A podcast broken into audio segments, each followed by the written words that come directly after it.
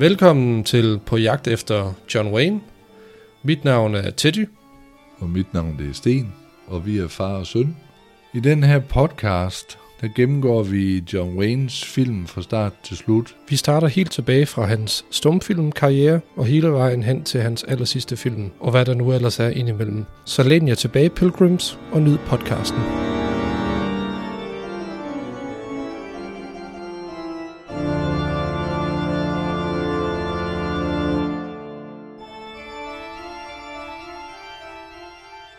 Velkommen til det 10. afsnit, hvor vi er på jagt efter John Wayne. Øh, jeg sidder jo over for min kære far endnu en gang.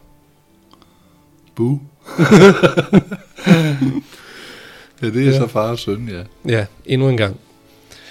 Så øh, jeg synes godt, vi kan klappe os selv på skuldrene over, at vi er kommet i gang med det 10. afsnit nu. Det sgu meget godt klart. ja. Det er, jo ikke det, det er jo ikke de bedste film at komme igennem. Nej, det, det, det går lidt trægt til, vil jeg sige. Og den her gang, der havde vi jo et lille eksperiment, hvor vi øh, forsøgte at, at se en af de her stumfilm i John Waynes tidlige karriere. Og så øh, tænkte vi, så prøver vi at, at se den, og så skal der gå lidt tid, før vi snakker om dem, for at se om, hvor meget der egentlig hænger ved Ja. i de her film.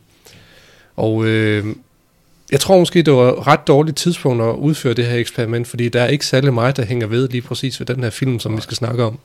Men det var også derfor, fordi nu har vi egentlig øh, snakket nogle af de tidligere film ned.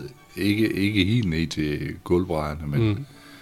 Det var jo ikke øh, rosende ord, der kom Nej. fra os af. Og, og det, det er der en god grund til, altså, Mm. man ikke kan huske dem mere. Ja. Og jeg synes, det er sjovt, i betragtning af, at vi gerne vil det her projekt, øh, og, og, og, og vi har lyst til at prøve at tage det hele fra en begyndelse af. Øh, altså, så, altså det her projekt er jo ikke præget af negativitet overhovedet. Ja. Altså det er bare uheldigt, at, Ja. at det generelt er så øh, øh, knap så prængende produktioner, Ja. som vi, vi har set indtil videre. Jeg tror nok, det er, det er måske også fordi, vi har været vant til, når vi endelig så gamle film, eller stumfilm, så har det været over i Gør, Gokke og Buster Keaton, Mm. Zorro og den slags ting. Der sker lidt i. Ja, Altså, nu, nu er vi inde og har, har øh, næsten tvunget os selv til at skal se alle, og, og så, så, så går det sjovt lidt af, fordi så ser du egentlig noget, du aldrig ville have sat på mm. DVD'eren. altså man vil ikke have sat det på bare Nej. for fornøjelsens, Nej. fornøjelsens skyld. Nej. Nej. For der er ingen, altså i tiden i dag, der er ingen fornøjelse i det. Mm. Det har der nok været dengang, fordi det var nyt og spændende. Og, Ja, ja, men der har jo heller ikke været andet, kan man sige. Nej. Jo. Øh, så, men øh, den film, vi skal snakke om i dag, den hedder, The, den hedder Hangman's House øh, fra 1928. Og på dansk, der blev den simpelthen kaldt for Den Smilende Hævner. Den blev betragtet for at være et romantisk drama, øh, som foregår i Irland, og som endnu en gang er instrueret af John Ford. Af hvad jeg kan finde frem til, så at, at den her film, den første gang, hvor man ser John Wayne i en, i en John Ford-film. Men vi så ham altså ikke, nej, desværre. det er i hvert fald ikke første gang, vi har set John Wayne, og jeg kan Nej, ikke lige vi- huske med John Ford. Nej, jamen, vi, det er nok, vi har ikke set ham i, i en John Ford-film. Det er Nej. rigtigt, og det har vi så heller ikke gjort den her gang. Men vi har set ham før, Ja. men ikke i John Ford-filmen. Han, han har forskellige roller i den her film. Det kan vi lige skal lige gennemgå, fordi at det kan godt være, at vi lige kan huske, at, øh, at han, eller de scener, han er med i. Ja. Øh, man, man ser ham tre gange. Efter fem minutter, så kan man se silhuetten af ham, hvor han står ved sådan en, en galej og venter på ligesom at blive henrettet. Og den er kun nogle få sekunder øh, lang, øh, men, men folk, som går meget op i John Wayne, de er 100% sikre på, at hvis du ser hans silhuet, jamen så er der ikke nogen tvivl om, det er ham. Hmm. Så, men ja. så meget er vi ikke inde i, eller Nej. jeg er ikke inde i John Wayne i hvert fald, Og at jeg ligefrem lægger mærke til en skygge og siger, okay, det er ham. Nej. Og jeg vil også sige, selvom man er hardcore John Wayne-fan, Mm. så øh, glemmer man jo nok, at, at det er jo en helt anden statur af John Wayne dengang. Han var lang og ranket, Mm. og var jo ikke, var jo ikke den type, der buller frem som, som han gjorde senere hen, mm. hvor han blev stor og sådan noget. Og, Nej, altså han har jo nok ikke haft den der meget genkendelige gågang, Nej, nej. som man kender ham efterfølgende. sådan er det jo også, altså hvis du, hvis du selv ser en film med, lad os bare sige Robert Redford, der stadigvæk lever jo, Mm. fra hans tid med Paul Newman, sidste stik, eller Bush Cassidy, eller sådan noget. Og så du ser ham i dag, du, du får jo et chok over, hvordan manden ser ud, og hvorfor han ikke er mere med gørl, end han er. Mm. Mm. Han kan jo ikke mere, selvfølgelig. Det er det, man glemmer. Og det tror jeg også, det gør den anden vej, at du er blevet vant til John Wayne i, i øh, hans kropsbygning øh, har været så stor Mm. øh, og frembrusende. Det vil man også forvente, at den var der, men det var det ikke. Nej. Han var ikke en stor valp jo, Ja, jamen det var det. Som, som egentlig bare gik på listefødder for at få foden indenfor, Ja. kan man sige. Og, Ja. Øhm, han dukker også op efter 26 minutter, hvor øh, han er endnu et offer, øh, som, som ligesom hjemsøger øh, den såkaldte hangman, altså titel, titelkarakteren i, Ja. i titlen her. Øh, altså, vi skal nok komme ind på, hvad filmen handler om, men, der er, men øh, filmen hedder Hangman's House, og den såkaldte hangman, han får dårlig samvittighed. Han er, han er blevet gammel nu, får en dårlig samvittighed over alle de ofre, han ligesom har henrettet. Og så er John Waynes ansigt dukker så op i sådan et flashback. ja. Og så dukker han også op efter 38 minutter, hvor der står, at han, er, han tydeligt kan ses. Det kan jeg altså overhovedet ikke huske, Nej. det må jeg nok indrømme. Øh, men i, ja, okay, i fire hurtige klip, som kun var 10 sekunder. Ja. Øh, og det er, hvor han er, hvad hedder det, øhm, en, øhm, en tilskuer til et hestevedløb, som kommer sidst i filmen. Ja. Og det er det, han er med i. Og der kan jeg i hvert fald huske, at vi intenst havde kigget, fordi jeg vidste, at jeg havde set billeder fra det der. Ja, præcis. Det var der, hvor du Ja. troede, det var fra Brown of Harvard ja. først. Ja. ja. Nej, Mother McGee, ikke? Mother McCree? Jo, Ja. det kan godt være. Øh, og der sagde vi i hvert fald intenst og kigget, og, og vi kunne ikke se ham. Nej, det synes jeg Det ikke. kunne vi altså. Men der må nu være nogen, der har meget bedre Ja, ja, ja. øjne end os, Ja, ja. åbenbart. Ja. Som sagt, den er jo instrueret af John Ford. Og her øh, instruerer han også en af sine, øh, sine skuespillere fra sit stock company, som du så fint kaldte det Ja. ja. sidste gang. Øh, Victor McLachlan. Som, er det ikke sådan, det udtales? Oh, sådan. Ja. Altså, jeg kan ikke selv sige det ordentligt, Nej. tror jeg, men, men det, sådan. er sådan. Glak, glak, glak. Ja. Øh, så Victor McLachlan han har simpelthen hovedrollen, og han spiller en, øh, en irsk soldat i Fremmedlegionen, øh, som, som er i Algeriet ja. i starten af filmen. Han modtager, modtager så et, øh, et brev med dårlige nyheder, øh, og her i brevet der spørger de ham om, om man ikke kan vende tilbage til Irland. Øh, men det tøver han jo lidt med, fordi han er åbenbart en hjemsøgt mand i Irland, og det er jo derfor, at han er i Fremmedlegionen.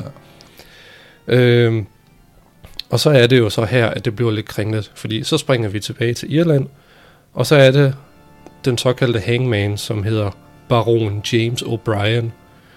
Han får så at vide, at øh, han bor i det her kæmpe hus, næsten for sig selv. Det virker sådan sådan et klassisk. Dracula-slot, Ja, som er ligesom på sådan en slags forhøjning for i, øh, i hvad hedder det, i udkanten af byen. Og der bor den her gamle mand så, som har så henrettet en masse mennesker i hele sit liv. Øh, og han får så videre af hans øh, læge, at han kun har en måned tilbage at leve i. Og så beslutter han sig så for, at hans eneste datter, som hedder Konokt, er, tror jeg, det udtales. Hans eneste datter skal giftes med en, øh, en anden rig mand, som hedder John Darcy. Men så er det jo så, at hans datter rent faktisk er gift, eller er forelsket i hendes øh, øh, barndomsven, som hedder Dermot. Dermot McDermott. Og allerede her er vi ude i fem karakterer. ja.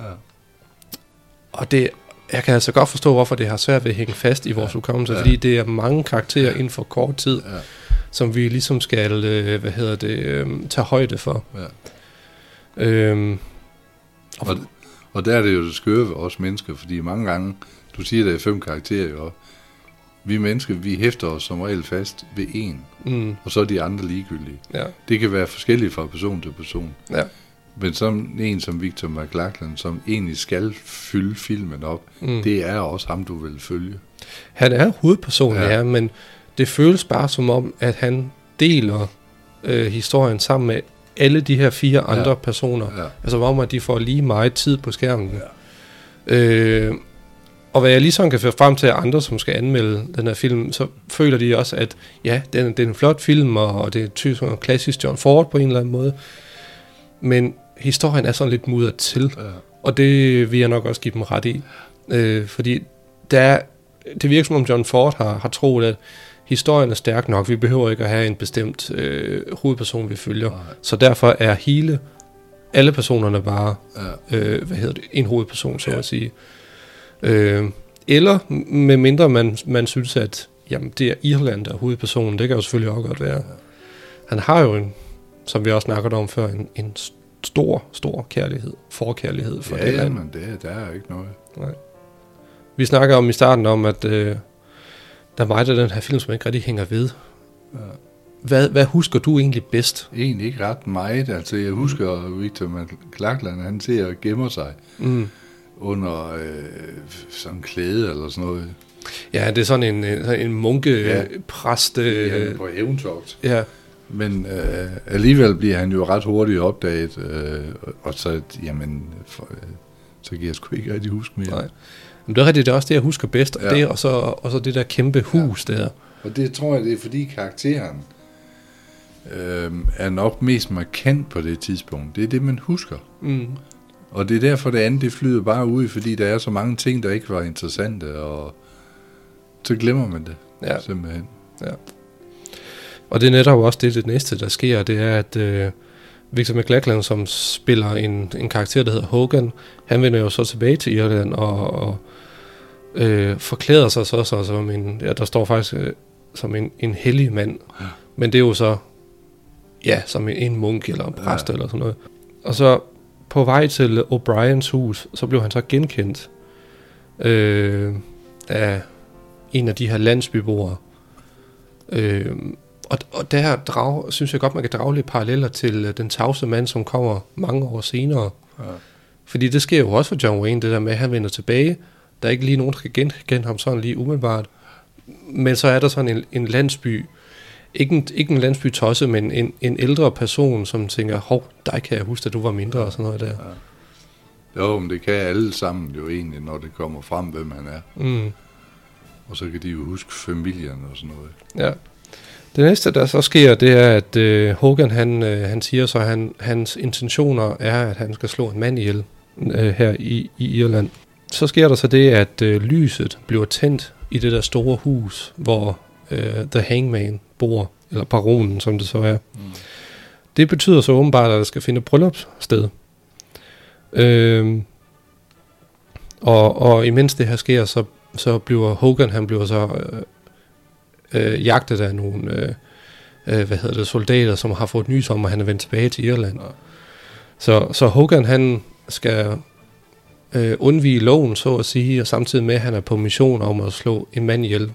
Fordi at der, på grund af de her dårlige nyheder, som han har fået at vide i brevet. Vi får ikke lige at vide, hvad det er endnu. Men det kommer selvfølgelig. Så efter at, øh, at datteren og, og Darcy er blevet gift, så er det så, at baron dør. Så The Hangman, han dør simpelthen. Mm. Øhm, og det var egentlig lidt ærgerligt, for jeg synes, hvad jeg lige kan huske, så var han den mest interessante person, netop fordi han var, han havde den her baggrund med, øh, altså det var sådan et klassisk gyser, øh, hvad hedder det, sekvenser i den periode, altså sådan en, lidt ligesom en gal videnskabsmand, der bliver hjemsøgt af hans ofre og alt sådan noget der. Øh, og han sidder bare der og er bitter og sur og alt sådan noget der. Øh, det var egentlig meget godt lavet. Altså generelt, øh, det der kan betragtes for at være gysersekvenserne, er egentlig ret godt, men altså det forsvinder også ret hurtigt ja. igen. Og det er, også, det er også derfor, jeg kan huske, at vi har snakket om tidligere film, hvor har sat og læst om nogen, der har set det og anmeldt det, og øh, det, det kan jo være, der har, der, at de scener, vi ser og kigger, er redigeret lidt. Mm. Og det er derfor, vi ikke ser John Wayne.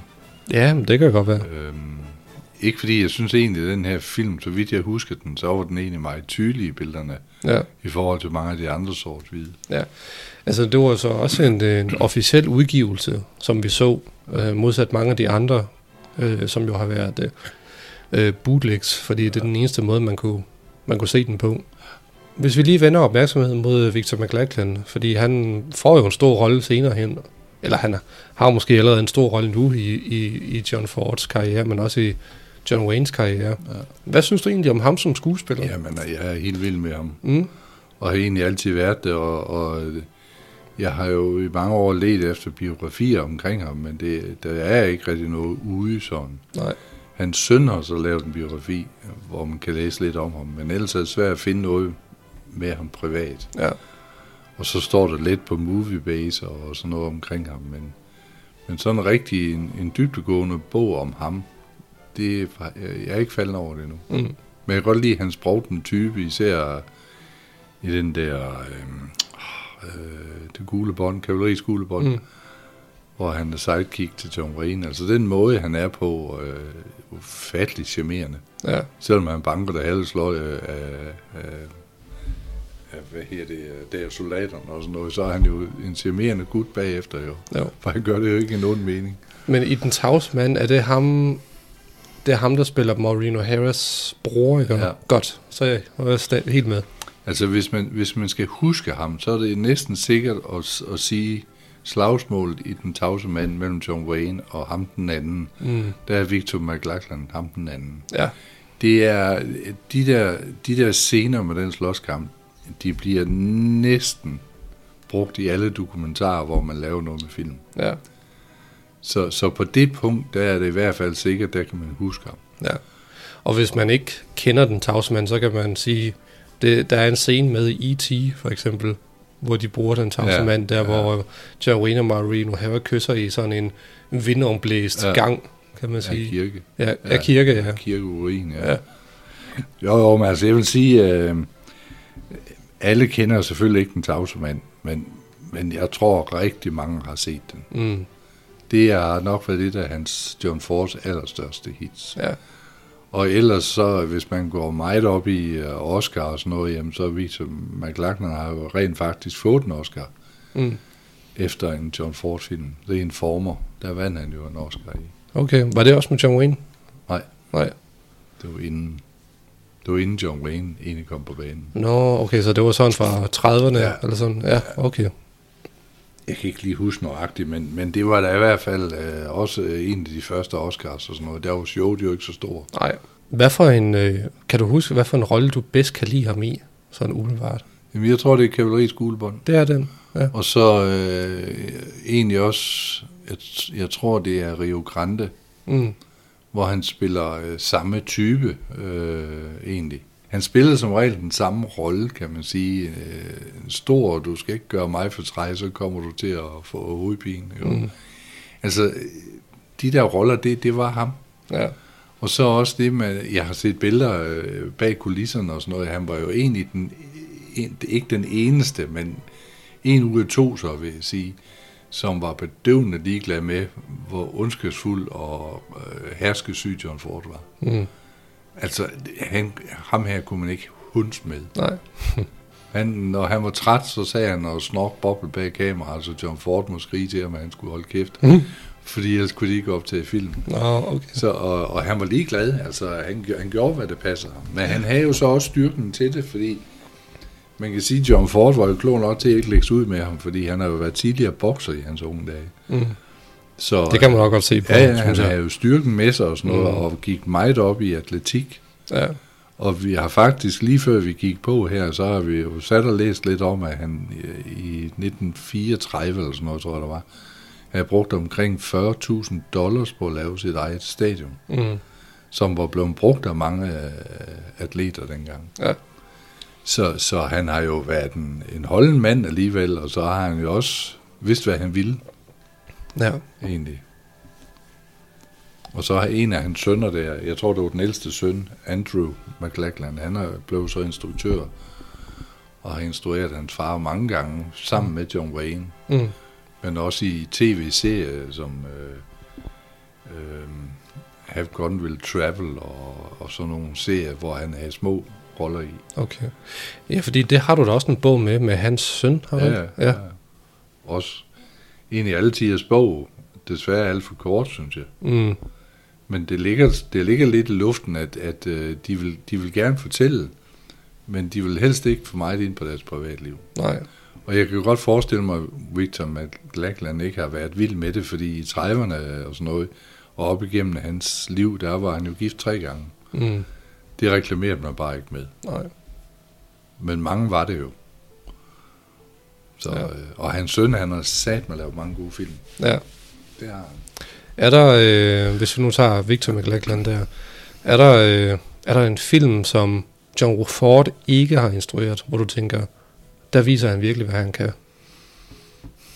Jamen, det er jo... Jamen, de var, de var to forskellige typer. Altså, øh, hvor John Ford brugte meget landskab og sådan noget, det, det gjorde den anden jo ikke. Og mm. så vidt jeg husker, så var der den der med, med Clintock.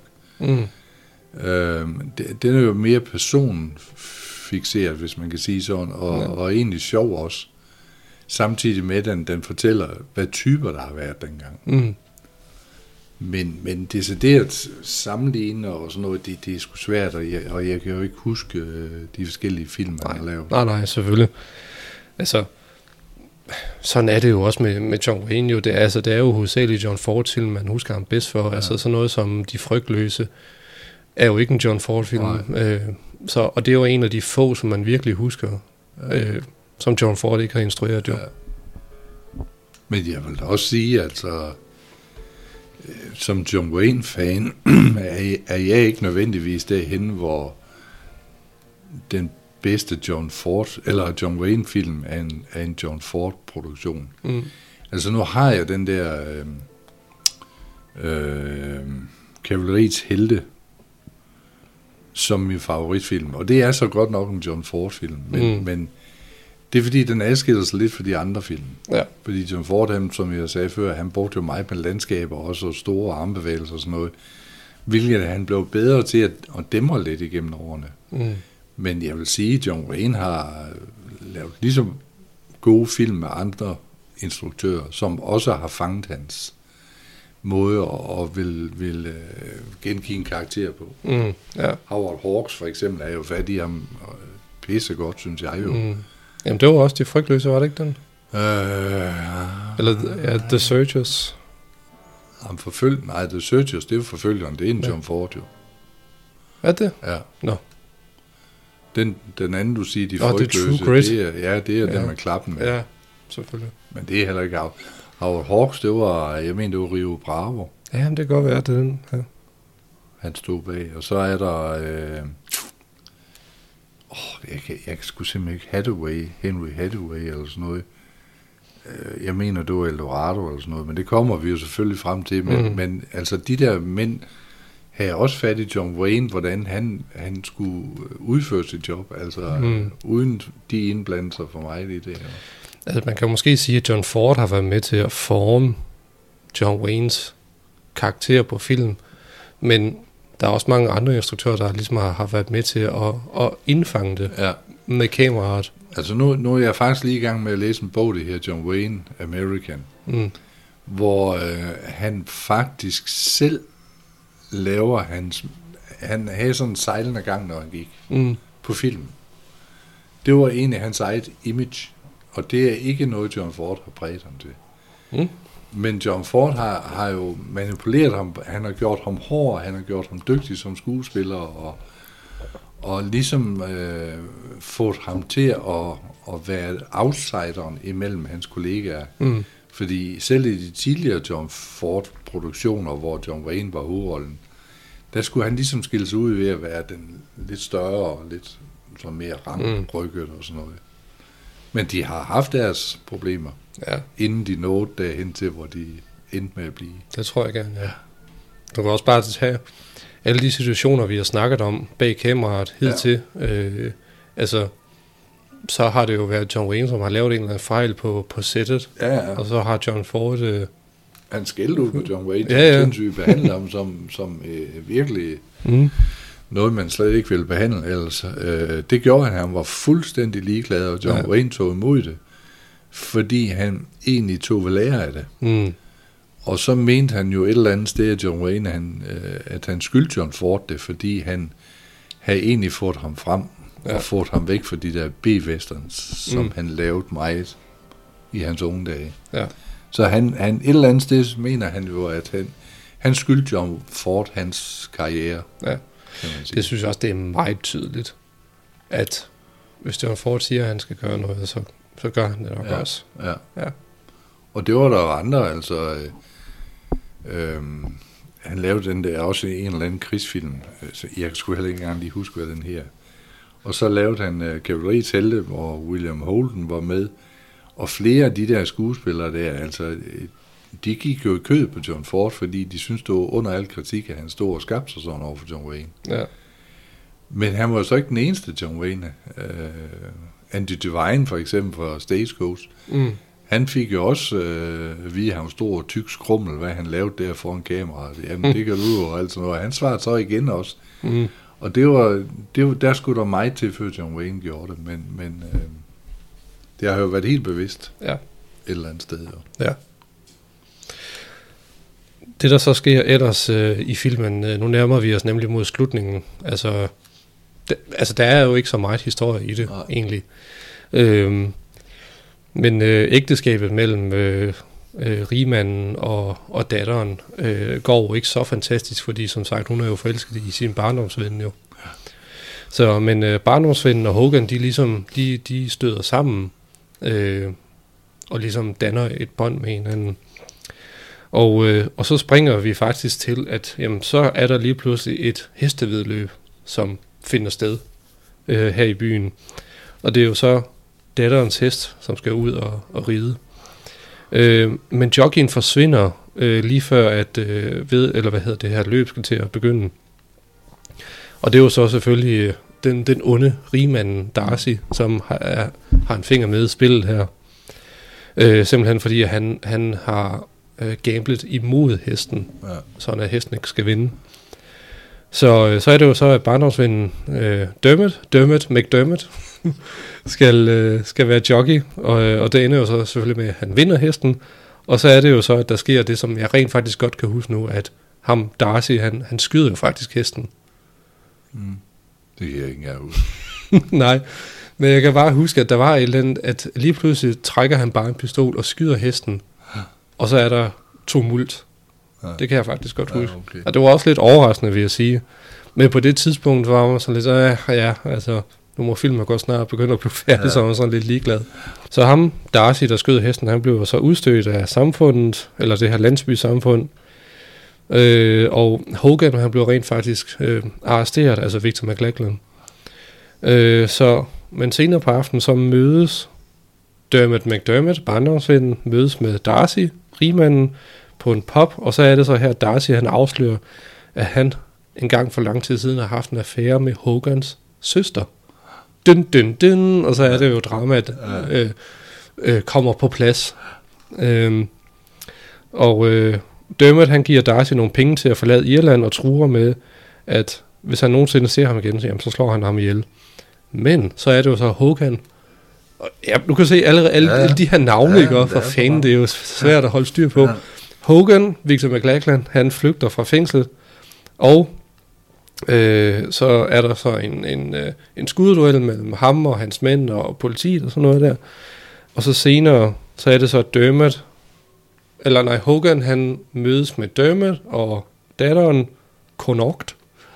Øh, og så er det så, at Hogan får at vide, at hans søster øh, døde, efter at Darcy ligesom har haft øh, en, en, en, en finger med i spillet på det, med det også. Ja. Så ikke nok med, at han har skudt hesten, han har også haft noget med Hogans søster at gøre, og hendes dødsfald. Og så er det så, det store drama sker i Hangmans house, fordi at øh, de vender alle sammen tilbage til huset, og øh, der er konflikter, og du ved, store, store armbevægelser og voldsom musik og sådan, du, du, du, du, du, og alt sådan noget der. Så, øh, og der er en, en, en slåskamp ude på, alt, på øh, balkongen, og som så ender med, at balkongen, den giver efter, og Darcy, rigmanden, falder så til sin død. Og Hogan har så at sige fået sin hævn. Og, men, men, men ej for glemme, øh, det, det såkaldte Hangman's House brænder også ned til grunden. Så hele, hvad kan man sige, baronens arv går til grunden, og hans, øh, hans hensigter med at få datteren gift med det her, øh, med det her meget usle menneske, går ligesom til, øh, til grunden. Øh, så Hogan han vender tilbage til øh, Algeriet, og hvad hedder det, og datteren og barndomsvennen lever lykkeligt til deres dages ende. The end. Og det er så at sige det. Og det er jo så vanligt, man ser med, at det onde, det skal jo altid øh, fjernes. Ja, det skal besejres. Ja. Ja. Det er Irland, der består. Ja. Ja. Jo. Øh, Irland tilkalder sine sønner i, når det er øh, nødstider. Ja. Når nøden så er overstået, så spredes de for alle vinde igen. Ja, ja. Ja, Det er fint nok at tro på det. ja. Ja, det er jo sådan lidt Holger danske ja, Ja, det på en eller anden måde. Nå, anyways, nu fik vi set den i hvert fald. Ja. Og jeg er glad for, at du lige nævnte, hvad du var i gang med at læse nu. Fordi på et eller andet tidspunkt, så skal vi også gennemgå nogle af de andre bøger, som du har på hylden med Ja. Du har ufattelig mange bøger. Ja, den fylder den lidt. Ja, og de, nogle af dem er virkelig interessante. Og vi skal også til at gennemgå øh, noget af det musik, som øh, John Wayne var involveret i. Ja. Øh, men det tager vi sådan efterfølgende. Nu har vi snakket om Hangman's House, og så går vi videre til den næste stumfilm i hans. Ja, og så lad os ligesom få det slået fast også, altså selvom vi ikke har de rosende ord fremme Mm. med, med, med de her film, og så måske også nogle af de kommende, så er det jo ikke fordi, man foragter stumfilmene, Nej, nej, nej, eller, ikke. eller filmene som sådan. Det er bare tiden, der gør, at man, man føler sig ikke vildt oplagt til lige at se den slags ting. Nej. Men når vi kommer derop af, altså imod øh, diligencen og den slags ting, så skal vi nok finde ud af at pludre. Og sagtens her. Det tror jeg. Og det er jo, som du selv sagde, det er jo ikke fordi, at vi, øh, vi afskyer stumfilm. Nej, altså, jeg kan virkelig godt lide sådan noget Ja. ja. som øh, The Phantom of the Opera og, Ja. og The Man Who Laughs og sådan noget. Altså nogen... Øh, der er nogle af de tidlige øh, stumfilm, som, var, som, som holdt sig lidt inden for gysergenren, som var faktisk rigtig, rigtig gode. Ja, ja. Om virkelig to, også Nosferatu og sådan noget, de tog virkelig brug af, af det filmiske element, ja. Ja. øh, kameravinkler Ja. og alt sådan noget der, og, og, og kulisser. Men det kan også være derfor, du husker dem. Mm. Fordi altså, ellers må man jo sige, der er jo ikke de store udfordringer med mange af dem. Jeg har det for eksempel med Gør Gokke, der vil jeg jo... Jeg har ikke nogen måde at se, der er stumfilm, men, men kvaliteten er ikke den bedste. Nej. Og det går så sindssygt hurtigt. Mm. Så derfor vil jeg hellere se dem egentlig som, som tonefilm, hvor de egentlig gentager mange af deres historier. Ja. Men deres komik passer også bare bedre til Ja, talefilm, synes Jo, jeg i hvert fald. Ja. Altså, komik behøves jo ikke ligefrem lyd, Mm. men øh, Nej, nej, altså Buster Keaton fungerede jo ganske Ja, glimrende som stumfilm jo. Og det er jo også endnu en, som, som vi synes var ret god. Ja. Og så kan man jo sige, at Chaplin er også ret populær. Jeg ved godt, du ikke er så glad for Chaplin, Nej. men altså, man kan sige, hans komik og hans mimik passede, altså det var, det var det, der passede ret godt til den periode, synes jeg. jo, man kommer ikke udenom, manden var jo dygtig. Altså, jeg, jeg er bare ikke Chaplin-fan, Nej, nej. men det har lige så meget at gøre med, med hans baggrundshistorie. Mm. Øh, det kan vi sgu altid vende tilbage til. Men, Ja, ja. men der, der vil jeg sige, at og Buster Keaton er efter den tid dem, der står højst for mig. Mm. Fordi Buster Keaton var jo også et geni, Ja, ja, ja. som, som mange har glemt. Mm. Men for dytten, han var dygtig. ja. Og han lavede alting selv. Ja, ja, det gjorde han. Altså, nogle gange så trender der jo også øh, nogle sammen, sammenklippede videoer på Facebook, for eksempel, hvor der, hvor der står, øh, se, se hvad for nogle vilde stunts, der blev lavet Ja. tilbage i 20'erne og 30'erne og Ja. sådan noget der, og så viser de nogle af klip fra hans film, Ja. hvor han hopper fra tog til tog, eller og hænger, hænger i, en, i, i et ur og alt sådan noget, for eksempel.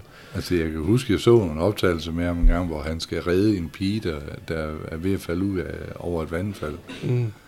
Så binder han et reb om liv på sig selv, og så en stor sten, og så svinger han sig ud. Og det går jo fint nok i teorien. Ja, Hvad man ikke har taget højde for, det er i det øjeblik, han griber hende, der kommer der altså noget vægt på. ja. Så hans ryg knækker jo bagom, så han brækker faktisk ryggen. Shit, mand. Ja. Og, og under normale omstændigheder kunne det gå grule galt, hvis han ikke passede på, fordi øh, han kunne ende med at blive lam jo. Mm. Og, og, og der krævede det jo flere måneders øh, hvile. Ja, genoptræning. Han tog også to-tre dage, så var han på arbejde igen. Det fortæller lidt om typerne Ja, ja. dengang.